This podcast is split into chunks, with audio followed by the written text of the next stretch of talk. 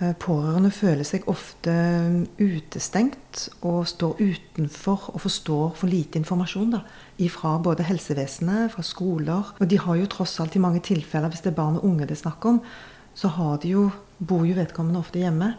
Og de pårørende føler at de har et ønske om å engasjere seg, og i hvert fall å forstå. Man skal jo ikke pålegge de noe behandleransvar, men at de kanskje kan få en, en bedre forståelse av hva som skjer for den de er glad i. da. Mm.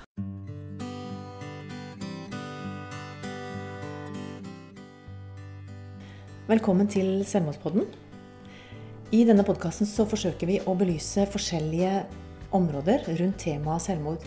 Og I dag så skal vi ha med oss en gjest som har vært i Selvmordspodden flere ganger før. Som har utarbeida en ny veileder i forhold til dette med selvskading. Som hun skal fortelle om. Så Nina Danielsen, velkommen til Selvmordspodden. Takk. Den, den, her, den er helt flott, og den ligger også ute på Elpis sine sider. Noen mikser jo at eh, de tenker at selvskading handler også om selvmord, eller at man ikke ønsker å leve lenger. Men kan du først og fremst kanskje klarere litt opp i det for oss? Ja. Altså selvskading er atferd som gjøres med vilje for å skade seg sjøl.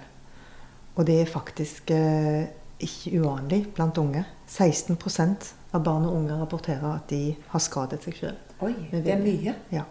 ja. Noen av disse skader seg bare én gang. Og noen gjør det noen få ganger, og noen eh, selvskader i mange år, faktisk. Er det mest jenter? Ja, det er mye jenter som gjør det. Eh, men det er gutter også. Og det er viktig å vite at eh, selvskading kan være knytta til selvmordsatferd. Men de som jobber med det, skiller ganske forskjellig fra, skiller de fra hverandre. Mm. Altså at uh, selvskading er uh, når man skader seg selv om ikke har til hensikt av å ta sitt eget liv. Så det handler om, eh, det handler om en, en, annen type atferd. Men for de som er pårørende, så er det jo ikke så lett å vite forskjellen. Da. Og den eneste måten man kan vite hva selvskadingen handler om, om det er et selvmordsforsøk eller om det er selvskading, det er ved å spørre eh, den, den, personen som gjør det. Da. Og det kan jo være vanskelig. Det er forskjellige måter eh, folk skader seg sjøl på. Og noen av de som gjør det, gjør det i hemmelighet. Uh, og da kan det være vanskelig for pårørende og andre som bryr seg om, uh, om den som selvskader, å oppdage det. Uh, men man kan jo se tegn, da. F.eks. Uh, skader på huden som ikke er forklarlige på andre måter enn at dette har blitt gjort kan du si, Det, har ikke vært noe uhell som man vet om, eller som, som vedkommende kan forklare. da. Mm. Eh, og så kan det være et tegn hvis noen går med lange ermer midt på sommeren. Eller lange bukser på stranden ikke sant, når andre folk går i badetøy om sommeren. For å dekke til hud som er blitt skadet. Det kan være for å skjule selvskading. Det aller viktigste i en sånn sammenheng er å forholde seg rolig. Og så vise respekt for den personen som man har foran seg. For at de har det veldig vanskelig de har det så vanskelig at de skader seg sjøl, og at de trenger hjelp. Men nå må vi få litt bakgrunn i hvorfor dere har skrevet den her Er det brukerhåndbok, eller hva kaller du det for noe? En veileder. En veileder. Jo, altså når uh, Elpis ble lansert, og det begynte jo i fjor høst, så uh, begynte vi å ta kontakt med forskjellige aktører i Norge som arbeider med selvmordsforebygging. Og både for å presentere stiftelsen, og for å få innspill til eh, vår handlingsplan, hva som er viktig. For vi vet at det er mye arbeid som må gjøres på dette feltet. Men eh, vi ønsket å, å, få innspill fra de som allerede finnes. da. Og det vi fikk, eh, det som var et tema, det var at støtte for pårørende er veldig viktig. Der er det et, eh, en stor mangel. Eh, pårørende føler seg ofte utestengt og står utenfor og forstår for lite informasjon da, fra både helsevesenet, fra skoler. Og de har jo tross alt i mange tilfeller, hvis det er barn og unge det er snakk om, så de jo, bor jo vedkommende ofte hjemme. Og de pårørende føler at de har et ønske om å engasjere seg, og i hvert fall å forstå. Man skal jo ikke pålegge de noe behandleransvar, men at de kanskje kan få en, en bedre forståelse av hva som skjer for den de er glad i. da. Mm. Og Derfor så bestemte vi oss for å utvikle denne veilederen som vårt første produkt. Nå er det mange som sitter og sier 'dette har jeg venta på'. Så nå er jeg egentlig litt spent på hva, hva inneholder denne manualen deres? Eller den veiledninga? Jo, veilederen forklarer da litt hva, hva selvskading er. Og her har vi fått innspill fra eh, Forandringsfabrikken sin rapport 'Vi vil at dere skal forstå', som kom ut eh, jeg tror det var tidligere i år, eller muligens sent i fjor. Der veldig mange barn og unge skrev hva deres eh, selvskading handlet om, og hvor, hvilken hjelp de følte de trengte. Hvordan de ville bli møtt. Både av foreldre, av BUP, av eh, skolepersonale osv. Så, videre. så vi tok innspill derfra. Vi tok også innspill fra forskjellige Eh, ressurser, nasjonale kan du si, Helsedirektoratet, Folkehelseinstituttet Det finnes jo mye informasjon, men det er litt vanskelig å finne. Så det arbeidet har vi da gjort på vegne av de pårørende. Og så har vi satt sammen en veileder som forklarer hva det handler om. Og det er jo veldig sammensatt, mm. veldig individuelt, hva selvskading handler om. Hvordan man kan oppdage det. Hva som gjør at noen barn begynner å skade seg selv. Eh, hvordan det kan oppleves for den pårørende å, være vitne til noe sånt. Mange pårørende føler seg jo veldig ensomme i denne situasjonen. Og at de, det er viktig at de forstår at de ikke er alene. Det er andre foreldre som også, og pårørende som sitter i lignende situasjoner og, og kanskje føler seg rådville. Og maktesløse, vil jeg jo tro. Ja. Altså Som foreldre så er det noe av det viktigste du gjør. Du skal beskytte ungene dine. Altså Fra de er små, ikke sant, de slår seg. Og du får sånn, Jeg vet ikke om du har opplevd det, Nina, men hvis det, hvis det, skjer noe med ungene mine, hvis de slår seg eller ser, Nå er jeg sykepleier, så jeg har jo sett uh, verre ting enn det. Men det, det er akkurat som jeg får sånn frysning inni meg som går langt inn i ryggmargen når barna mine eller noen er stygge med de, eller de skader seg. Og så tenker jeg, når det er utløst av de sjøl, altså hva gjør det med en pårørende? En mor, en far, en søster? altså, Det er jo ikke så lett å tenke at nå skal du reagere rasjonelt. Nei, det er vanskelig å vite hva man skal gjøre. Og så blir man redd for at man skal gjøre det verre. Det er vanskelig å forstå. Man kan føle seg som om man har gjort en dårlig jobb. At man ikke har vært kjærlig nok, vært nok til stede. At man har gjort noe galt eh, på noen måte. Og som du sier, det er jo ansett for å være foreldrenes ansvar å beskytte barna sine. Og vi går på førstehjelpskurs, og vi, på, vi, følger med på fotballen og passer på at de ikke får blåmerker eller får hjerneskader av å hedde fotballen inn i mål osv. Mm. Vi passer på den fysiske helsen og bruker mye ressurser på det. Men når det gjelder den psykiske helsen, så føler mange av oss at vi er dårlig rustet. Og det er vanskelig å forstå, rett og slett. Og vi føler oss utilstrekkelige i mange situasjoner. Og det er helt forståelig. Og da er det viktig å forstå at selvskadingen handler ofte ikke om foreldre. Det handler ofte om helt andre ting. Og, og kan du gi noen eksempler på det, Nina? Hva det kan handle om? Det er jo mange grunner til at barn kan begynne å skade seg. Altså, De kan bli mobbet på skolen, f.eks. De kan ha fått lav selvtillit av eh, en serie med ting. Sosiale medier kan jo bidra enormt til at eh, barn og unge får en følelse av at de ikke strekker til, at de ikke er pene nok, tynne nok, smarte nok, morsomme nok, ikke reiser på nok ferier. Og de får en følelse av um, utilstrekkelighet i forhold til at alle andre får ting til, men de får det ikke til. Uh, det kan også handle om um, dårlig problemløsningsevne. Det kan handle om rusproblemer, spiseforstyrrelser. Det kan være psykiske helseproblemer, f.eks. i familien. Og det kan hende også at det er en historie med, med, selvskading. At de har vært kanskje utsatt for noen andre som har drevet med selvskading. Har funnet det kanskje på sosiale medier. Det de kaller for smitteeffekt? Ja, ja dessverre. Og, og, det kan jo være For mange så handler jo dette om uh, de Barn og unge sier jo at det handler om at de har, de har smort, smerte. Det er et smerteuttrykk. De har, det er egentlig et godt uttrykk. Ja. At ikke det er nødvendigvis at vi skal putte på en diagnose, men at det er egentlig et for det, det, er jo ingen som frivillig ønsker å ha det vondt. Nei. Men for noen barn og unge så kan det være veldig vanskelig å sette ord på den smerten. Og det er derfor det er viktig at de som oppdager selvskadingen, ikke fordømmer handlingen, men ser på det som et tegn på at dette er noen som har det veldig vondt, og som trenger støtte og forståelse først og fremst. Mm. Så den selvskading den kan jo tjene flere funksjoner for, eh, for den som driver med det. Det handler ofte om å håndtere en ekstrem følelsesmessig belastning. Ikke sant? Det bygger seg opp, det er spenning, og så trenger de utløsning for det. Og noen snakker også om at den emosjonelle smerten får et fysisk uttrykk. Og det på en måte kan gjøre det Det er et uttrykk Det gir en følelse av at jeg har fått uttrykt smerten min. Og samtidig så blir det synlig, sånn at det blir mer reelt. Og kanskje lettere for andre å vise omsorg for. Mm. Og lettere for en selv å vise omsorg for. For, for en selv, når en har en fysisk skade, så kan man ta vare på seg selv etterpå. Mens den emosjonelle smerten kan det være veldig vanskelig å vite hva man skal gjøre med. ikke sant? Det er noe som man, som man føler, og, og, som kan gjøre vel så vondt som den fysiske smerten. Men som, det er veldig vanskelig å vite hvordan man skal på en måte ta et plaster på det såret. da. Akkurat det virker jo litt sånn selvmotsigende for meg. At du, du, altså du, du skader deg på en måte som, som, du egentlig skammer deg på etterpå. For det er jo ofte sånn skam. Og, og som du sier, at de prøver å ha på seg lange gensere eller et eller annet sånt for å skjule det. Og i tillegg så har du de aller fleste av oss aner ikke hvordan vi skal håndtere det. Så det blir jo bare helt sånn der Men i huleste hva du holder på med. Altså omsorgen blir jo mer frykt for de som er rundt, vil jeg tro. Ja. Så det, det blir jo litt sånn selv...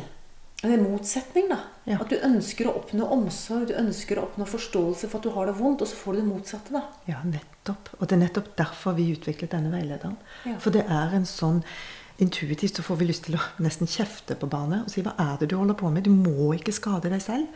Det er farlig. ikke sant? Du kan få infeksjoner i sårene, og, og du, kan, du, kan, skade deg selv alvorlig, så du kan få arr, og du må på sykehuset. Du, du, kan til og med skade deg så alvorlig at du kan, du kan dø.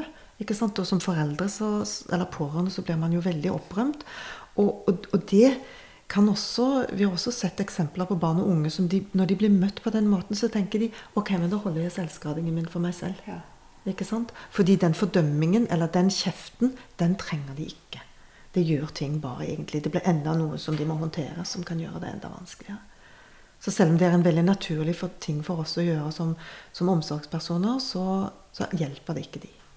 Kan du gi oss enda mer forståelse på hva som, hva som er konsekvensene, og hvordan man egentlig skal håndtere dette her? Altså konsekvensene Det kan jo være vanedannende og selvskade. Som jeg sa innledningsvis, så er det noen som prøver dette en gang, kanskje fordi de har hørt om det, og så gjør de det aldri mer igjen. Men de som, de som kanskje fortsetter med det, der, der, kan det bli vanedannende. Og det kan jo føre til alvorlig fysisk skade også. Og det som vi som pårørende må være oppmerksom på, er at um, det er underliggende problemer som må håndteres. Det er et tegn på at vedkommende trenger hjelp med det som forårsaker den emosjonelle smerten. Mm. Og det, kan være depresjon, angst, eh, traumer, misbruk, ikke sant? historisk misbruk. Um, ja, alt det som jeg nevnte tidligere. Og, og, det vi jo vet, er jo dessverre at de som har det for vane, de som selvskader over lengre tid, har større fare for at dette utvikler seg til selvmordsatferd. Og det er jo noe som vi ønsker å avverge. Og derfor så er tidlig inngripen veldig viktig for de som har gjentagende selvskadingsproblematikk. da. Barnet deres kan tilbringe mye tid på sånne nettverk, og der, det som skjer der, er det at den unge personen som selvskader, får forståelse. Som de kanskje ikke opplever eller forventer å finne noe annet sted. Så de er ensomme i sin atferd, søker anerkjennelse, søker godkjennelse, søker eh, forståelse for atferden sin. Og når de da finner en gruppe, enten fysisk eller eh, virtuell, på sosiale medier, som, der det er andre som, opp, som, opplever livet på samme måte, da blir det plutselig Å, så herlig. Her er det noen som forstår meg. Mm. Endelig er det noen som forstår hva dette handler om, som ikke fordømmer meg. Grunnen til at folk søker seg mot sånne grupper med mennesker som driver med selvskading, er det at der møter de forståelse og omsorg. Og det kan jo være veldig positivt at de finner noen som forstår dem, hvis de ikke klarer å finne det i andre steder i sitt nærmiljø. Samtidig så kan noen av de nettverkene være forverrende i det at det blir en slags konkurranse om hvem som har det verst. Mm. Det ene som skjer, er at man får denne konkurransen. Det andre er at selvskadingen blir en viktig del av identiteten. Hvis det er det eneste stedet du blir forstått og sett, så vil du jo søke til det stedet. Mm. Om det så er i garasjen til uh, nabojenta, eller om det er på sosiale grupper. Så det kan være både fysisk og Det kan være hvor som helst, men det blir en gruppe med mennesker som rett og slett Det blir en del av din identitet. Du går inn i det. Der møter du forståelse og omsorg og, og andre som driver med det samme. Og det kan være destruktivt. Og det, blir, det kan bli en så viktig del av identiteten at du slutter med andre aktiviteter som kanskje kan være oppbyggende, som kanskje kan være distraherende, som kan være en del av det ressursnettverket som egentlig trekker deg vekk fra selvskadingen. Jeg husker du snakka litt om det når vi hadde temaet ensomhet. At dette med å ha likepersoner, ha mennesker som har gått gjennom en ting, men har kommet seg ut av dette mørket som det handler om å være i selvskadinga, eller i ensomheten, på en måte. De har funnet en vei ut. Mens det er ikke så veldig konstruktivt og veldig nyttig for deg å være i en setting hvor mennesker bare bekrefter denne ødeleggende atferden. Ja, riktig.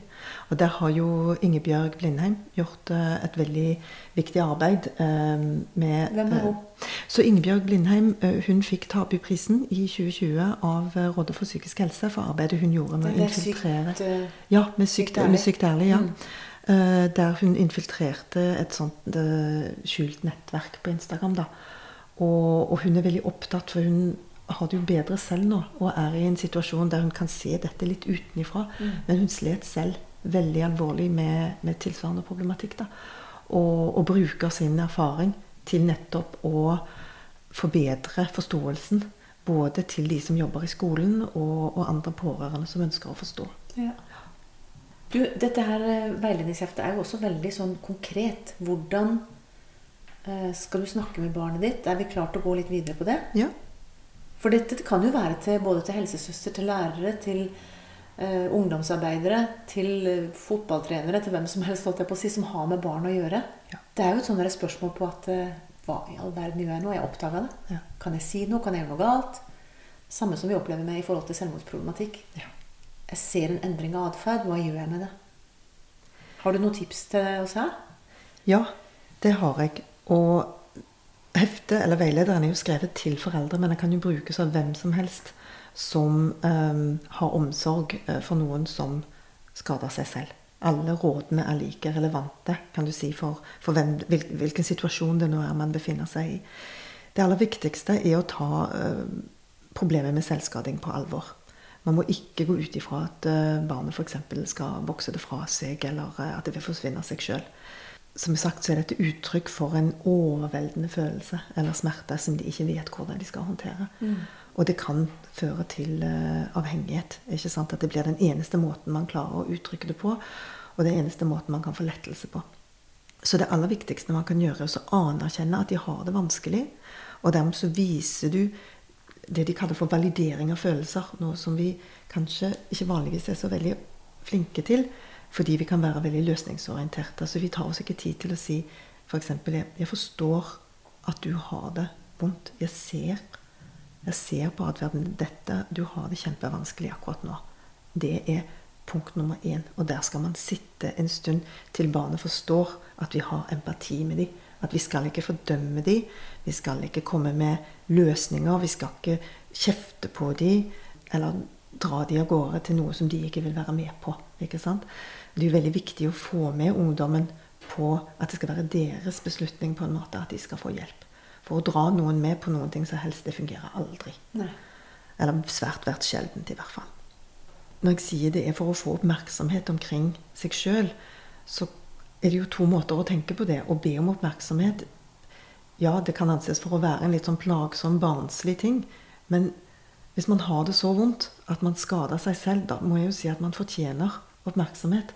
Da må man jo, da, da er jo det en god ting at man ber om oppmerksomhet, selv om det er på en, en litt rar kanskje litt uforståelig måte for de som står utenfor.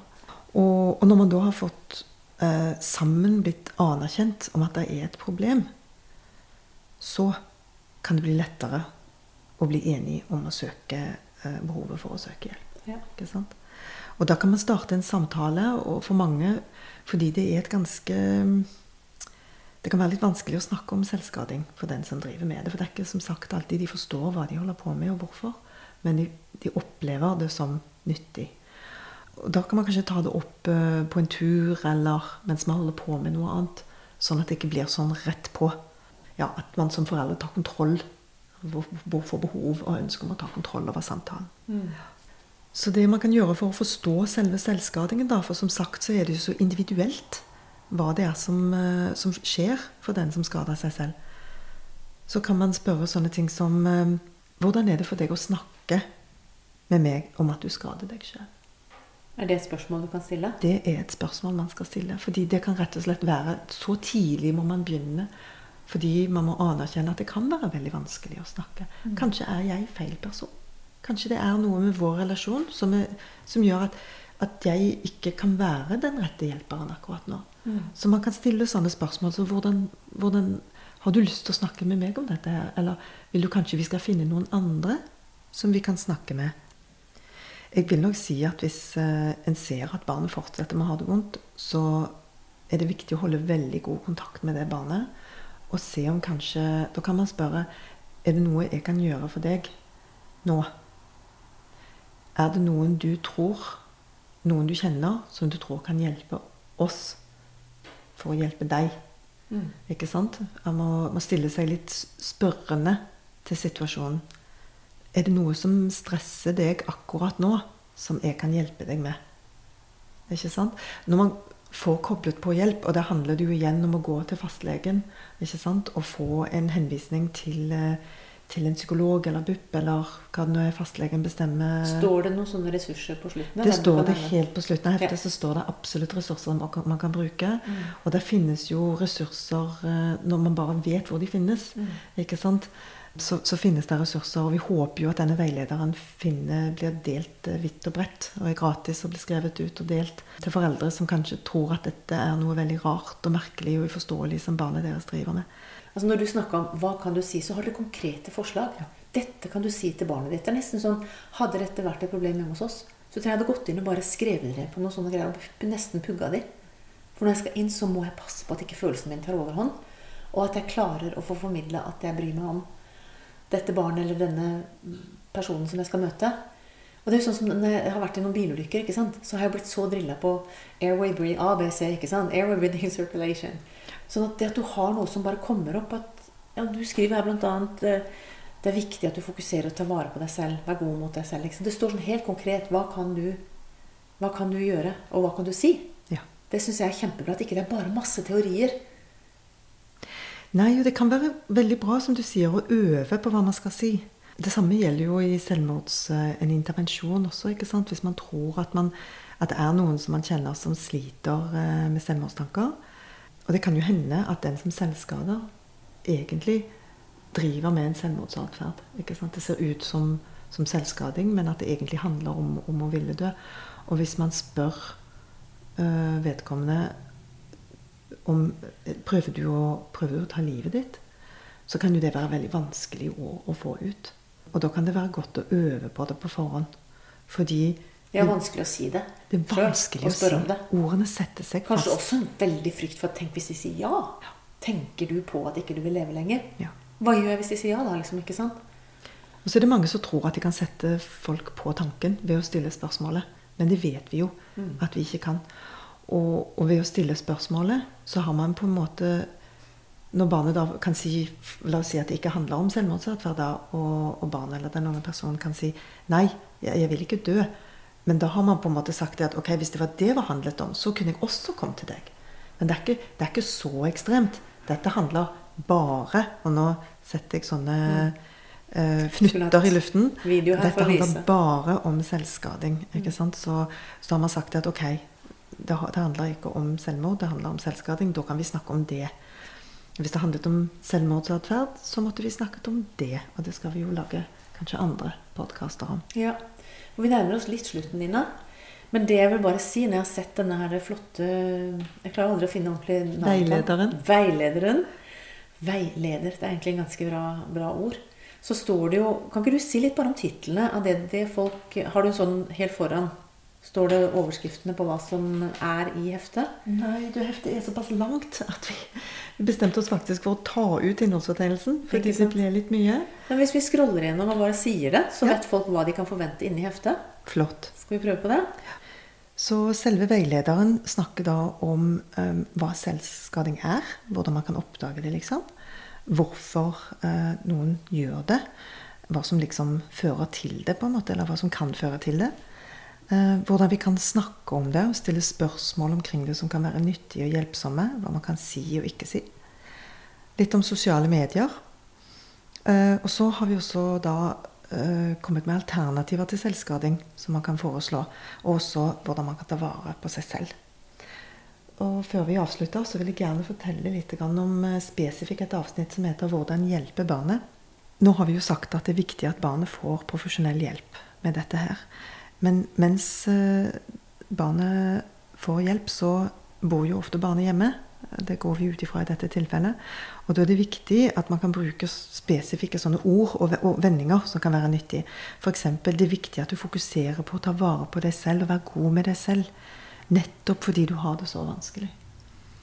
Um, og du, fordi du har det så vanskelig, så er det viktig at du samarbeider med denne personen som da skal hjelpe deg, denne profesjonelle kanskje psykologen. Fordi den kan vise deg hjelpe deg med det du sliter med, og kan vise deg andre måter å reagere på. Andre måter du kan uttrykke smerten din på. Da. Du skal få lære hvordan du kan ta vare på deg selv, eller hvordan du kan få lyst til å ta vare på deg selv. Dette er viktige deler av den egenomsorgen som på en måte den som selvskader må lære seg til. Og så vil jeg gjerne snakke litt om alternativer til selvskading òg. Fordi um, mens barnet jobber med å finne alternative måter å uttrykke smerten sin på, så kan det jo være nyttig å lære å ta vare på seg selv på andre måter. Og det handler egentlig om helt vanlige ressurser som, som man bruker i uh, psykisk helse. ikke sant? Å gå en tur og lytte på, lytte på ting. Uh, sånne mindfulness-ting. Lage noe, tegne noe. Gå vekk fra huset, komme seg ut. Skrive dagbok kan være nyttig. Se på en film kose med hunden, ikke sant. Men også sånne ting som å holde en isbit i hånden. For på en måte å få kjenne litt av en sånn smertefølelse uten å skade seg selv, da. Det kan jo være Og en del sånne andre tips som står i, i heftet. Mm. Mm. Dette er jo et stort tema. Og et ekstremt vanskelig tema. Jeg tenkte på en ting som ikke vi har snakka om eh, sånn helt konkret. Nå ser jeg at det står en del henvisninger til eh, støttegrupper og og du har sagt også at det fins flere organisasjoner som tilbyr informasjon og hjelp til personer som skader seg, og pårørende. Så det er jo litt viktig også at vi kommer litt tilbake til. Litt av grunnen til at vi har skrevet denne veilederen, er at det er en mangel på informasjon for pårørende nå. Mm. Og flere pårørendeorganisasjoner som jeg har vært i kontakt med gjennom Elpis, har sagt at dette savner de. Ja. Eh, rett og slett en veileder, noe håndfast som de kan gi til pårørende. Så det er faktisk lite støtte der ute. Det er en forening som heter Landsforeningen for forebygging av selvskading og selvmord. Og de har en sånn chattetjeneste som det går an å, å, å ringe og chatte med. Um, de har jo åpningstider som står på nettsidene deres, så de heter lfss.no.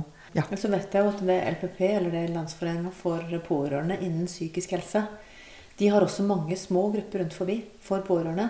Og noen er vel også skreddersydd, på en måte, eller sånn at det er temabasert. At det er i forhold til en spesiell type problematikk, om det er rus eller Så jeg tenker at dette, dette heftet er jo på en måte en, god begynnelse til at man kan tørre å åpne en sånn gruppe. Å være gruppeleder for et tema som man kanskje ikke kan sånn kjempemasse om. Men at man har en god veileder på 'dette er bra for dere å gjøre'. Og så er det som alle andre som selvhjelpsgrupper, så er det å føle at man ikke er aleine som pårørende. Føle at det er andre som forstår hvordan det er. Og at man kan også lære av andres vei som de har gått. Ting, 'Dette hjalp min sønn eller min datter', eller 'dette gjorde vi'. Så det er jo en enorm verdi i det. Men som du sier, først og fremst så må vi jo få kunnskap til hva, hva er dette Hva gjør vi? For jeg kan bare se for meg at det må være helt forferdelig å oppdage at noen du er så glad i, skader seg sjøl. Ja, det var veldig godt oppsummert, Anne. Så bra. Eh, da tror jeg egentlig at vi avslutter denne episoden. Så får vi komme tilbake igjen til det. Men helt, altså Elpis eh, begynner jo å bli ganske kjent hos folk nå rundt forbi når det er snakk om selvmord. Og hvor kan de finne deg, og hvor kan de finne dette heftet? De kan jo finne oss gjennom eh, elpis.no. Og denne veilederen finner de da hvis de klikker på 'ressurser' på hjemmesiden. Så bra. Da håper vi at dere som dessverre har denne problematikken dere sliter med, enten som pårørende eller at du sitter med sånne tanker eller sånne handlinger sjøl, at du har fått en, et utbytte av denne episoden. Da ønsker vi bare å takke Nina Danielsen. Tusen takk for at du var med oss. Takk skal du ha. Og så høres vi igjen neste gang. Helt til slutt har jeg lyst til å fortelle hvor du kan få hjelp. Kirkens SOS er en døgnåpen krisetelefon. Det samme er Mental Helse. Leve, Landsforeningen for etterlatte ved selvmord. Legevakten 116 117. Kors på halsen, Røde Kors sitt tilbud. Det er en samtaletelefon for barn og unge under 18 år.